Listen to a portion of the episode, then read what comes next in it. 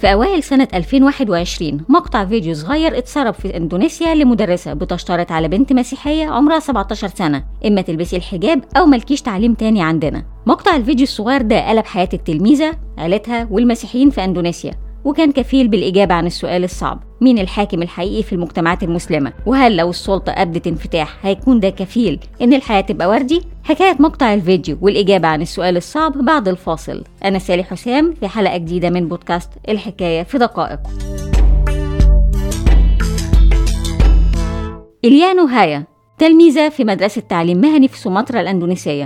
رايحة المدرسة زي أي يوم عادي لكنها في اليوم ده فوجئت بأن المدرسة بتاعتها بتشترط عليها يا إما تلبسي الحجاب اللي بقى إلزامي لكل الطالبات في المدرسة واللي هي مدرسة حكومية عادية خالص لا دينية ولا حتى خاصة. إليانو كان عندها مشكلة صغيرة إنها مسيحية ومش ملزمة تلبس الحجاب أصلا. وهنا المدرسة طلبت منها تجيب إقرار ولي أمر يكتب فيه بوضوح إن أبوها هو اللي رافض يخلي بنته تلبس الحجاب.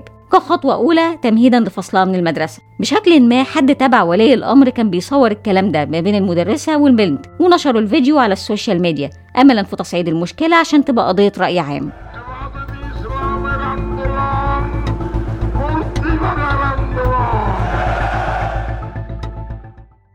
الفيديو انتشر فعلا على نطاق واسع. الميديا المحلية والدولية نشرته بكثافة.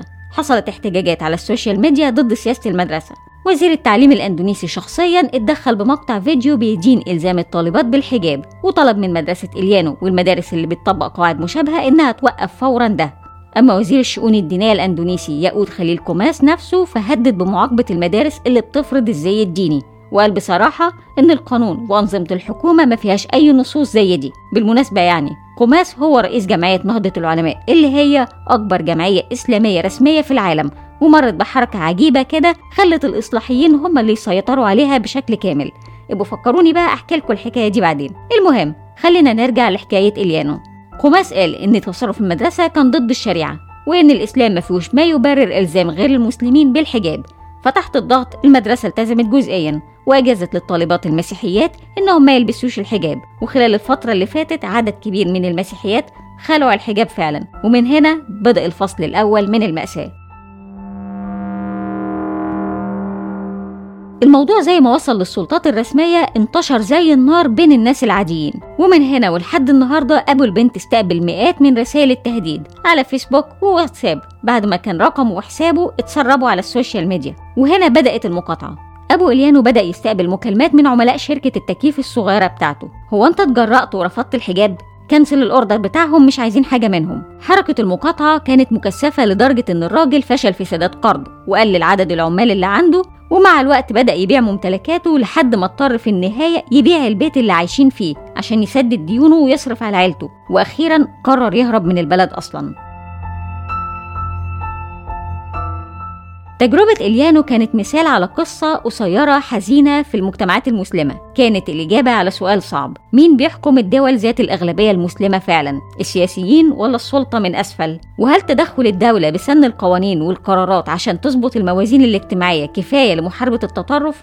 ولا لأ خلاص التطرف عشش جوه المجتمع وبيتغذى منه ذاتيا ومش مستني قوانين دينية عشان تشجعه. لو فاكر الكلام ده عن أندونيسيا لوحدها فلأ. انت عارف كويس المجتمع اللي انت عايش فيه. احصائيات الباروميتر العربي في مايو 2023 رصدت زيادة في نسبة اللي قالوا إن السلطة الدينية لازم يبقى ليها تأثير على قرارات الحكومة. تخيل انت مصر النسبة كانت فيها 20% قارن بقى بين اللي انت بتعيشه بنفسك وبين مجتمعات زي العراق اللي النسبة وصلت فيها ل 54% ولا السودان اللي وصلت فيها ل 62% عارف مين الدولة الوحيدة اللي النسبة انخفضت فيها؟ تونس. انخفضت فيها درجة واحدة من 24% في 2019 ل 23% في 2022 ويمكن ده مفهوم باعتبار إن تونس لسه خارجة من تجربة سيطرة الإخوان طازة. كده خلصت حكايتنا النهارده. ركز كويس في ال description عشان مش هتلاقي بس المصادر كالعادة. لكن هتلاقي كمان أبعاد تانية للحدوتة في رواية خالد البري الصحفية. السلطة من أسفل الزوجة الثانية في مواجهة الإسلام السياسي. ويمكن تلاقي الحل في المعضلة اللي إحنا عايشين فيها. لو عندك أي أسئلة أو اقتراحات ابعت لنا على info@دقائق dot net واستنونا الحلقة الجاية في بودكاست جديد من دقائق.